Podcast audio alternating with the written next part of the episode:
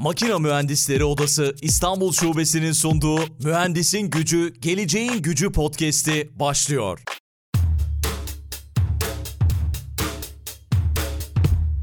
Mühendisin Gücü, Geleceğin Gücü podcast'inin yeni bölümünden herkese merhaba. Bu bölümde teknoloji gelişiminde üniversite ve sanayi işbirliğini konuşacağız. Konuğum uzun yıllar yurt dışında hem akademide hem de sanayide görev yaptıktan sonra şimdi ülkemizde çalışmalarını sürdürmeye devam eden bir akademisyen aynı zamanda hem de şu anda sanayide görev yapan Profesör Doktor Harun Bilirgen. Harun hocam merhaba, selamlar, hoş geldiniz. Selamlar, merhaba, hoş bulduk. Nasılsınız? Çok çok teşekkür ediyorum. Siz nasılsınız? İyisiniz umarım. Ee, çok iyiyiz. Teşekkür ediyoruz. Çalışmaya devam ediyoruz. evet hocam sizin böyle biyografinize baktım. Gerçekten çok güzel bir biyografi. Örnek alınması, rol model alınması gereken bir biyografi. İlginç bir hikayeniz de var. Belki o hikayeyi sizin ağzınızdan duyarız. Nasıl gelişti? Amerika'da akademideydiniz, şimdi Türkiye'desiniz çalışmaları sürdürüyorsunuz. Hala akademiyle işbirliğiniz devam ediyor. Belki sizin hikayenizde başlayabiliriz. Doğrudur. Aslında hikayenin neresinden başlayacağım biraz e, şey ama şöyle sonlardan başlayayım biraz. Devlet bursuyla yurt dışına gittim. 93 yılında Amerika Birleşik Devletleri'ne. Orada Lehigh Üniversitesi'nde master ve doktoramı tamamladıktan sonra hemen Türkiye'ye döndüm. E, çünkü devlet görevlisi olduğumuz için Afyon Kocatepe Üniversitesi'nde göreve başladım. 5-6 ay çalıştıktan sonra istediğim şartların veya kendimin bu alanda burada verimli olacağını düşünmediğim için tekrar dönüş yaptım Amerika'ya. Yani bir tersine beyin göçü yaptık o tarafa doğru. Tabii o 2000 2001 yıllarıydı biraz daha şartlar farklıydı. Döndükten sonra yine mezun olduğum üniversitede e, önce kimya mühendisliği bölümünde sonra makine mühendisliği bölümünde akademik olarak göreve başladım. Orada tabii çalıştığım üniversitenin bir altyapısı olan Enerji Araştırmalar Merkezi işte 1974 yılında e, MIT'li bir profesör tarafından kurulmuş. Orada ki ekiple birlikte birçok sanayi projelerine katılma, yapma fırsatım oldu. Bu projeleri yaparken tabii sadece Amerika içerisinde değil, Çin, Meksika, Kanada, işte Almanya, İngiltere gibi ülkelerde de proje yapma şanslarımız oldu. Tabii e, ilk başlarda çok zevkli geliyor ama belli bir süre sonra şeye giriyorsunuz, tekrara düşüyorsunuz. Amerika'da bulunduğum yıllarda çok sevdiğim bir Türk hocamız vardı, Fazıl Erdoğan. Allah rahmet eylesin vefat etti. Yani onu gördüğüm zaman hep şöyle düşünürdüm. Ben de Amerika'da kalırsam eğer bu şekilde monoton bir hayat yaşayıp ömrümü Amerika'da sonlandıracağım diye düşünürdüm aslında çok başarılı. Fazıl Erdoğan, işte Demirel'in, Erbakan'ın, Turgut Özal'ın sınıf arkadaşı. Öyle anlatırdı. Uçağı teyyare derdi falan. Evet. Ee, Türkçesi de biraz e, kırılmıştı aslında. Öyle olunca ben tabii biraz da devletten aldığımız bursu çünkü vatandaşların vergisiyle gidiyorsunuz. Onun hakkını vermek hem de Türkiye'ye bir şekilde döneceğiz ama çok ihtiyarlamadan dönüp biraz da oradaki işte hem öğrenci yetiştirme açısından hem endüstriye bilgilerimizi aktarma açısından dönüş yapmaya karar verdim. Karar verdikten sonra tabii iki yol var. Bir tanesi Türkiye'de bir üniversiteye dönüp orada akademik hayata devam edebilirsiniz. Diğer de işte profesyonel olarak bir yere gelip orada çalışabilirsiniz. Ben aslında ikisinin karışımını yapmaya çalıştım. Zaten benim en büyük hayallerimden bir tanesi üniversite sanayi işbirliğinin uygulamalı olarak gösterilmesiydi. Yani Amerika'da birçok örneği olmasına rağmen o yıllarda işte 2010'lu yıllarda başlarında çok fazla örnek yoktu. Dolayısıyla Türkiye'ye gelmeden önce yaz tatillerimde tamamen e, Türkiye'de harcadım. İşte burada seminerler verdim, konferanslar vermeye çalıştım. Bir ağ kurmaya çalıştım. Benim alanım enerji olduğu için güzel de oldu. Yani Türkiye'ye karar verdikten sonra ancak 3 yıl sonra dönebildim. Çünkü alt hazırlıkların yapılması lazımdı. Onları yaptıktan sonra 2013 yılı Haziran ayının sonlarına doğru Türkiye'ye dönüş yaptım. Dediğim gibi aslında buradaki tek amacım uygulamalı olarak e, işte üniversite sanayi işbirliğinin gösterilmesiydi. Bunda da başarılı olduğumu söyleyebilirim. Çünkü gerçekten şu an işte hem İstanbul Teknik Üniversitesi Teknokent'te hem Çukurova Üniversitesi Teknokent'te ofislerimiz var. Buralarda tabii know-how ağırlıklı hem Türkiye içerisinde hem de uluslararası projeler yapıyoruz. Bu bakımdan mutluyum. Bölüm içerisinde daha doğrusu podcast içerisinde dünyanın çeşitli yerlerinden mühendis konuklarımız oldu hocam. İlk defa yurt dışından Türkiye'ye gelen bir konuğumuzu ağırlıyoruz. Bu açıdan çok önemli değerli olduğunu düşünüyorum. Yani o düşünceniz de çok değerli devlet bursuyla gidiyorsunuz ve sonrasında o bursun karşılığını vermek için genç yaşta Türkiye'ye geri dönüyorsunuz. Bu çok kıymetli gerçekten ve zaman zaman da podcast içerisinde üniversite ile sanayi işbirliğinin Türkiye'de yeterli olmadığından bahsettik. Yurt dışı örneklerinden işte Amerika'dan, Almanya'dan, Kanada'dan, Avustralya'dan bahsettik. Üniversite sanayi işbirliklerinin teknoloji gelişimindeki rolünden belki bahsederek devam edebiliriz. Bunu nasıl görüyorsunuz? Öneminden bahsedebilirsiniz belki bize. Evet ya çok önemli bir konu. Bana göre işte ülkelerin gelişiminde mühendislik en önemli dallardan bir tanesi. Çünkü mühendislik yapmadan, teknoloji geliştirmeden ülkeler gelişimini tamamlayamıyor. İşte milli safi, gayri safi hasılasını artıramıyor, itha, ihracatını artıramıyor. Dolayısıyla hani teknoloji geliştirmek çok önemli. Tabii teknoloji geliştirirken de üniversitelerin rolü tartışmasız bir şekilde çok fazla. Yani başrolü oynuyor. Şimdi benim tabii tecrübelerime bakarak şu an Türkiye'de teknoloji gelişimini daha çok özel firmalar yapıyor. Üniversiteler biraz daha geride kalmış. Yani bunun birçok sebebi olabilir ama zamanla hani bunun da aşılacağını düşünüyorum. Özellikle ki son zamanlarda oluyor bu ama özellikle üniversite hocalarının sanayiyle gidip sanayiciyi konuş sanayiciyle birlikte konuşup onların derdini anlaması, sonra da sanayicinin de üniversite hocasının derdini anlaması çok önemli. Burada ben bir frekansta bir kopukluk olduğunu düşünüyorum. Çünkü iki organizasyon birbiriyle tam böyle senkronize olamıyor.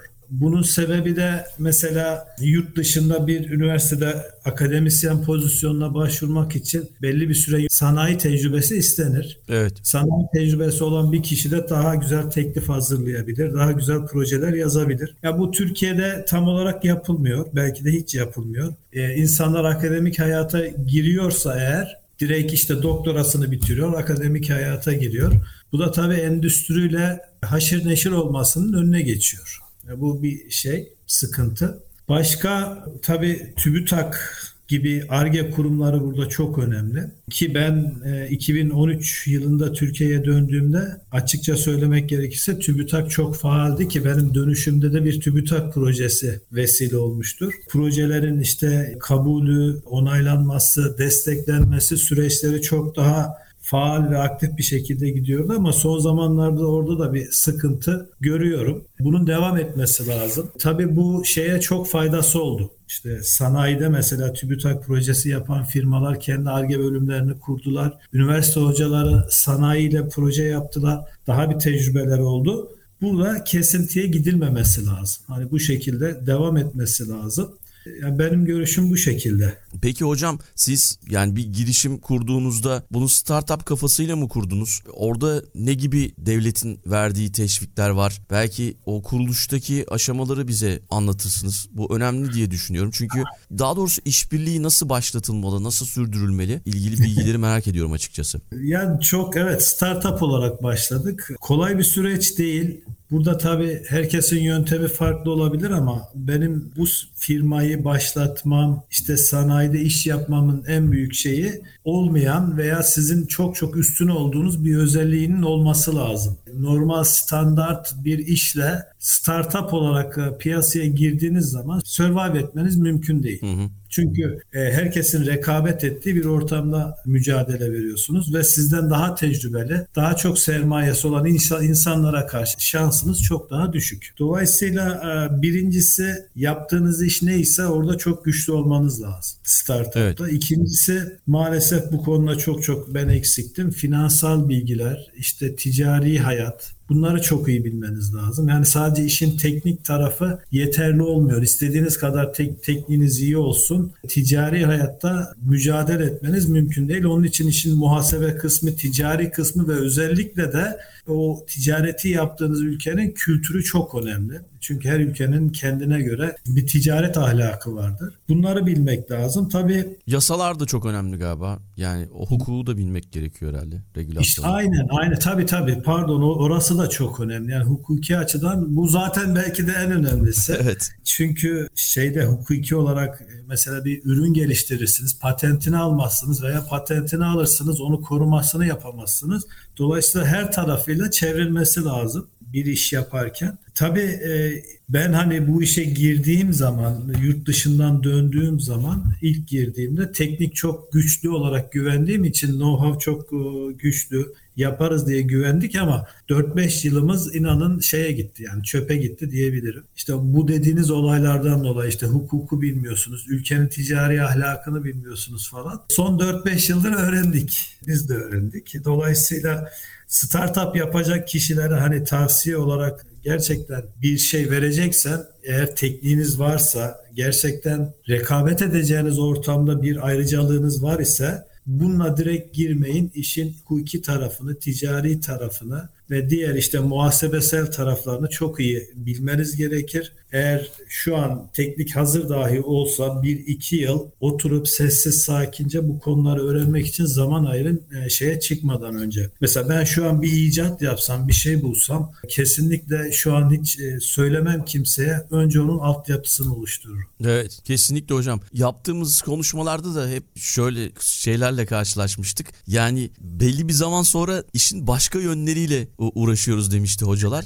Hani akademinin dışında, akademisyenlik dışında bambaşka şeyler mesela atıyorum tuvalet kağıdı alınacaksa bile şirkete onun bile yani şeyini muhasebesini yapmak gerekiyor gibi örnekler verilmişti. Sizin de böyle ilginç başınızdan geçen şeyler vardır eminim ki. Burada şeyle devam etmek istiyorum. Şirketler ve üniversiteler arasındaki işbirliklerinden bahsedelim. Bunlar mutlaka Türkiye'de de gerçekleşiyor ama dünyaya göre biraz daha az. Bunun avantajları neler olur? Hem şirketler tarafından hem üniversiteler tarafından. Tabii şimdi şöyle sanayide şöyle bir şey var. Yani zamanını boşa geçirmek istemiyor. Yani bir hocanın gelip sanayide oturup yarım saat bir saat ki Türkiye o yönden çok iyi. Çok hani sanayinin saygısı işte dışarıdaki hocalara akademisyenlere gösterilen saygı itibar gerçekten üst seviyede. Tabii bunları yapıyor ama sanayicinin de zamanı yok. Dolayısıyla evet. gelen hocanın veya işte akademisyenin ona öyle şeyler söylemesi lazım ki bilmediği şeyler olması lazım. Dolayısıyla hani oraya gelip teorik olarak bir şeyler anlatıp orada hani şov yapmasına bir gerek yok. Bu sanayicinin de hoşuna gitmiyor. Diğer taraftan tabii sanayicinin de şöyle bir şeyi var. Bize hemen çözümü ver, biz yapalım işte uygulayalım, anahtarı gidelim oraya koyalım, çözelim gibi bir yaklaşımları var.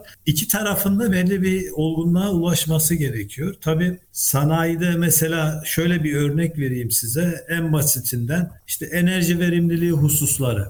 E, yapılmış firma mesela 1960'larda 70'lerde bir tesis kurmuş. Bu tesis sadece neyle gitmiş? E, kırılan, dökülen neyse yerine onun e, tamiratıyla rehabilitasyon diyoruz buna. İşte kırıldıysa yenisi yapılmış. İşte kaybolduysa işte parça eklenmiş falan. Ama orada hiçbir zaman çoğunluk olarak söylüyorum bunu upgrade olmamış. Yani bir üst modele geçilmemiş. Bu hem işte verimlilik açısından hem işte çevresel emisyonlar açısından bunlar yapılmamış. Tabii e, yani ilginç örnekler var. Mesela bir projemde işte karbon monoksit emisyonları 4000-5000'lere çıkmış yanmadan sonra yanmanın bir sonucu. E, tabii orada bir takım değişiklikler önerince oradaki ustabaşı dedi ki bana ben de 30 yıldır burada çalışıyorum. Bu dediklerin hiçbiri çalışmaz dedi. Evet. Dedim tamam yani sen de haklı olabilirsin ama denemeden öğrenemeyiz. Tabii işte bunun modellemesini yaptık, uygulamasını yaptık. Projeyi uyguladıktan sonra o ustabaşı geldi bana teşekkür etti iki, iki yönden teşekkür etti. Hani bir dediğimiz şekilde emisyonları çok düşürdük. Hani şeylerin çevresel mevzuatın altına düştü ama orada bir fan vardı. O fan 1500 devirde çalışıyordu ve her gün kafaları şişiyordu. O kadar gürültü yapıyordu. Tabii yaptığımız modifikasyonlarla o fanın devri 600-650'lere düştü RPM olarak. Gürültü denen bir şey kalmadı. Artık dedi biz burada rahatça konuşabiliyoruz dedi. Ve hala da e, devamlı arar. Dolayısıyla hani sanayide bunların yapılması çok önemli. Gerçekten Türkiye sanayisi işte 60'larda 70'lerde birçok tesis var. İşte şeker fabrikaları veya işte kömürlü santraller. Bunlarda ciddi şeyler yapılabilir. Şimdi tabii burada e, çözüm olarak ne yapılabilir? Çözüm olarak aslında gerçekten TÜBİTAK'ın başlatmış olduğu işte COSGAP var, TÜBİTAK var. Bunlar gerçekten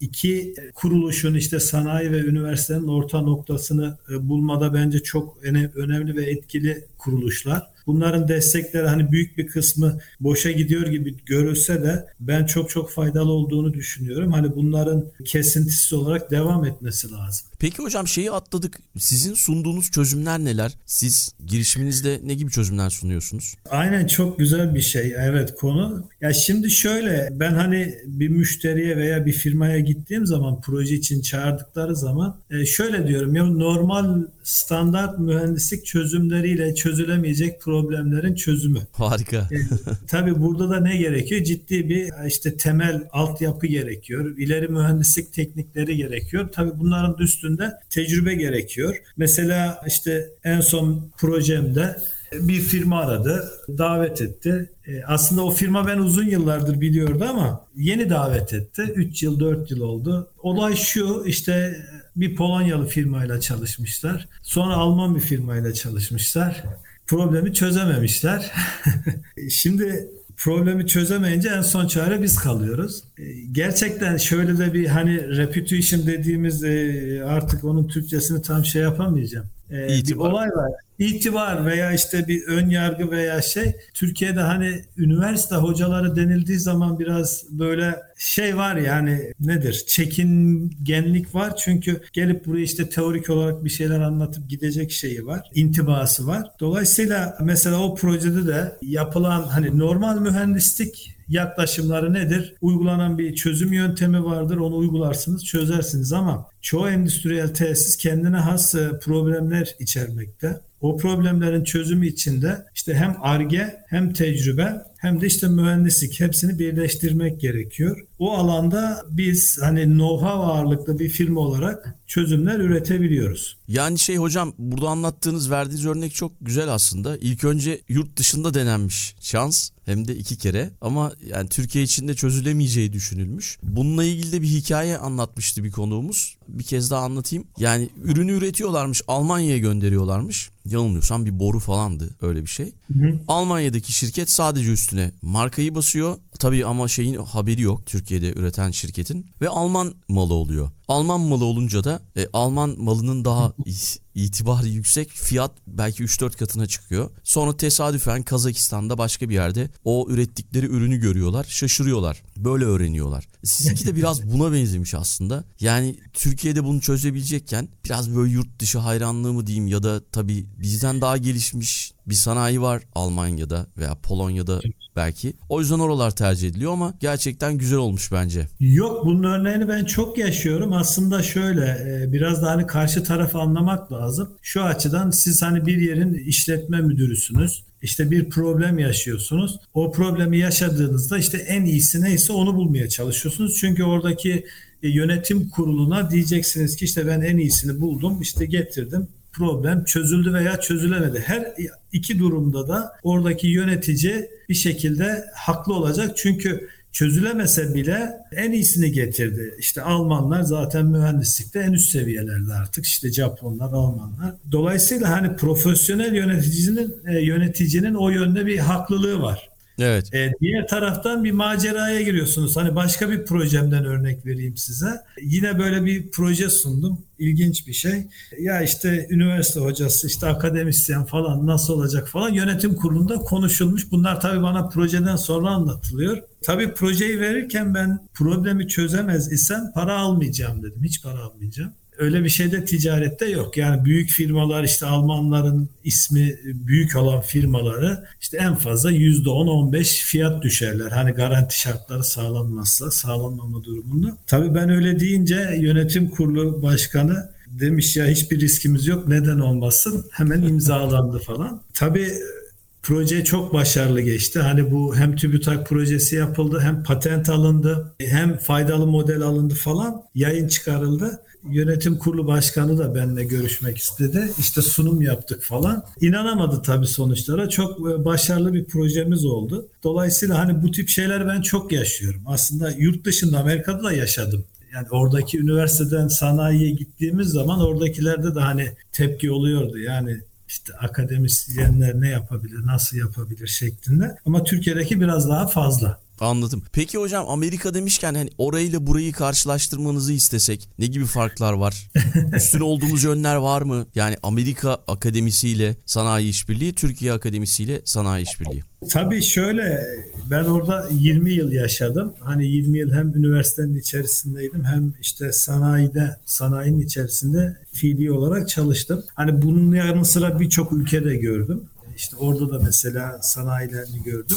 Aslında bakıldığı zaman kıvrak zeka olarak Türkler çok ileride. Yani bir probleme çözüm açısından yaklaşım falan daha ilerideyiz. Ama bunlar tabii çoğu zaman kısa süreli çözümler üretiyor. Daha böyle sistematik, kalıcı çözümlerde çok faydası olmuyor. Yani bandaj çözüm dediğimiz çözümler oluyor. Yurt dışında tabii olaya biraz daha özellikle işte Amerikalılar biraz daha sistematik yaklaşırlar. Biraz daha işte prosedürler neyse o şekilde yaklaşmak isterler. Daha çok işin arge tarafında yapmak isterler. Oradaki tabii yönetici bir argeyle bir proje geliştirdiği zaman daha böyle rağbet görür, daha iyi olur. E, şeye baktığımız zaman, üniversitelere baktığımız zaman ben onu her zaman söylüyorum. İşte ben Amerika'dayken zamanımın %90'ını bilimsel şeylere veya işte teknolojik şeylere harcarken şimdi zamanımın %40'ını ancak şeye harcayabiliyorum. Yani kendi alanımla teknik ilgi kısımlara harcayabiliyorum. Çoğu kısmını lüzumsuz diyebileceğimiz işlere harcıyoruz.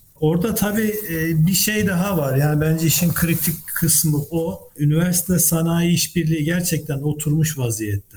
Daha böyle işte sistem çalışıyor, çarklar dönüyor. Sanayici üniversiteye verdiği paraya acımıyor. Hatta mutlu oluyor çünkü onun geri getirisi daha fazla oluyor. Türkiye'de bu biraz daha şeye dönmüş vaziyette. E, in-house dediğimiz şirketler kendi içerisinde hani bunu yapmaya çalışıyor. E, gördüğüm kadarıyla. Çünkü burada da mesela e, firmalarımızdan çok iyi teknoloji geliştiren firmalar var. Bunu işte kendi içlerinde yapıyorlar. O, o bakımdan e, arada fark var. Anladım. Peki son olarak hocam şunu sorayım. Odaların önemi hakkında ne düşünüyorsunuz? Makine Mühendisleri Odası İstanbul Şubesi'nin podcast'iyiz biz biliyorsunuz. Evet. Odalarla işbirliğiniz var mı? Daha önce üye oldunuz mu? Siz de bir makine mühendisisiniz çünkü. Odalarda sunum yaptım. Yani birkaç defa sağ olsunlar davet ettiler. Yani tabii odalar çok önemli ama orada da tabii tabii tam şimdi detaylarını hakimim işte görevleri görev tanımları nedir bilmiyorum ama çok faal olarak hani etkin olarak e,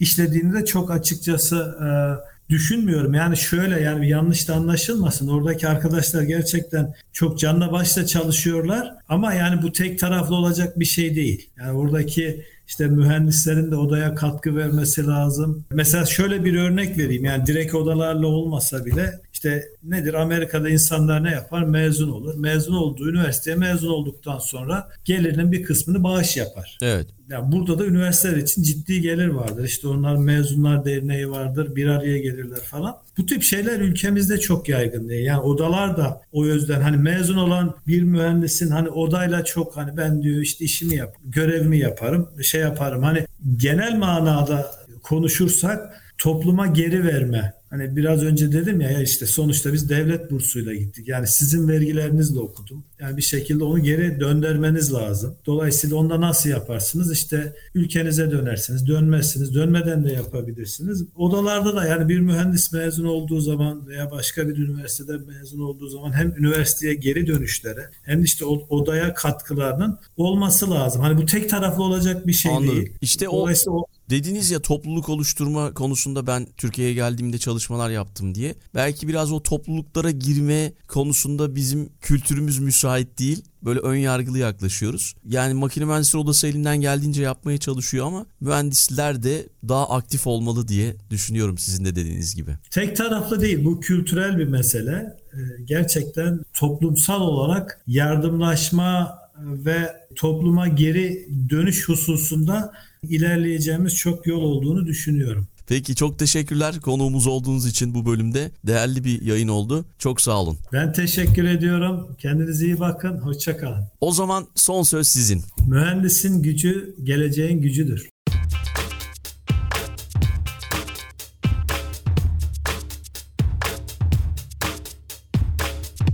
Makina Mühendisleri Odası İstanbul Şubesi'nin sunduğu Mühendisin Gücü, Geleceğin Gücü podcast'i sona erdi.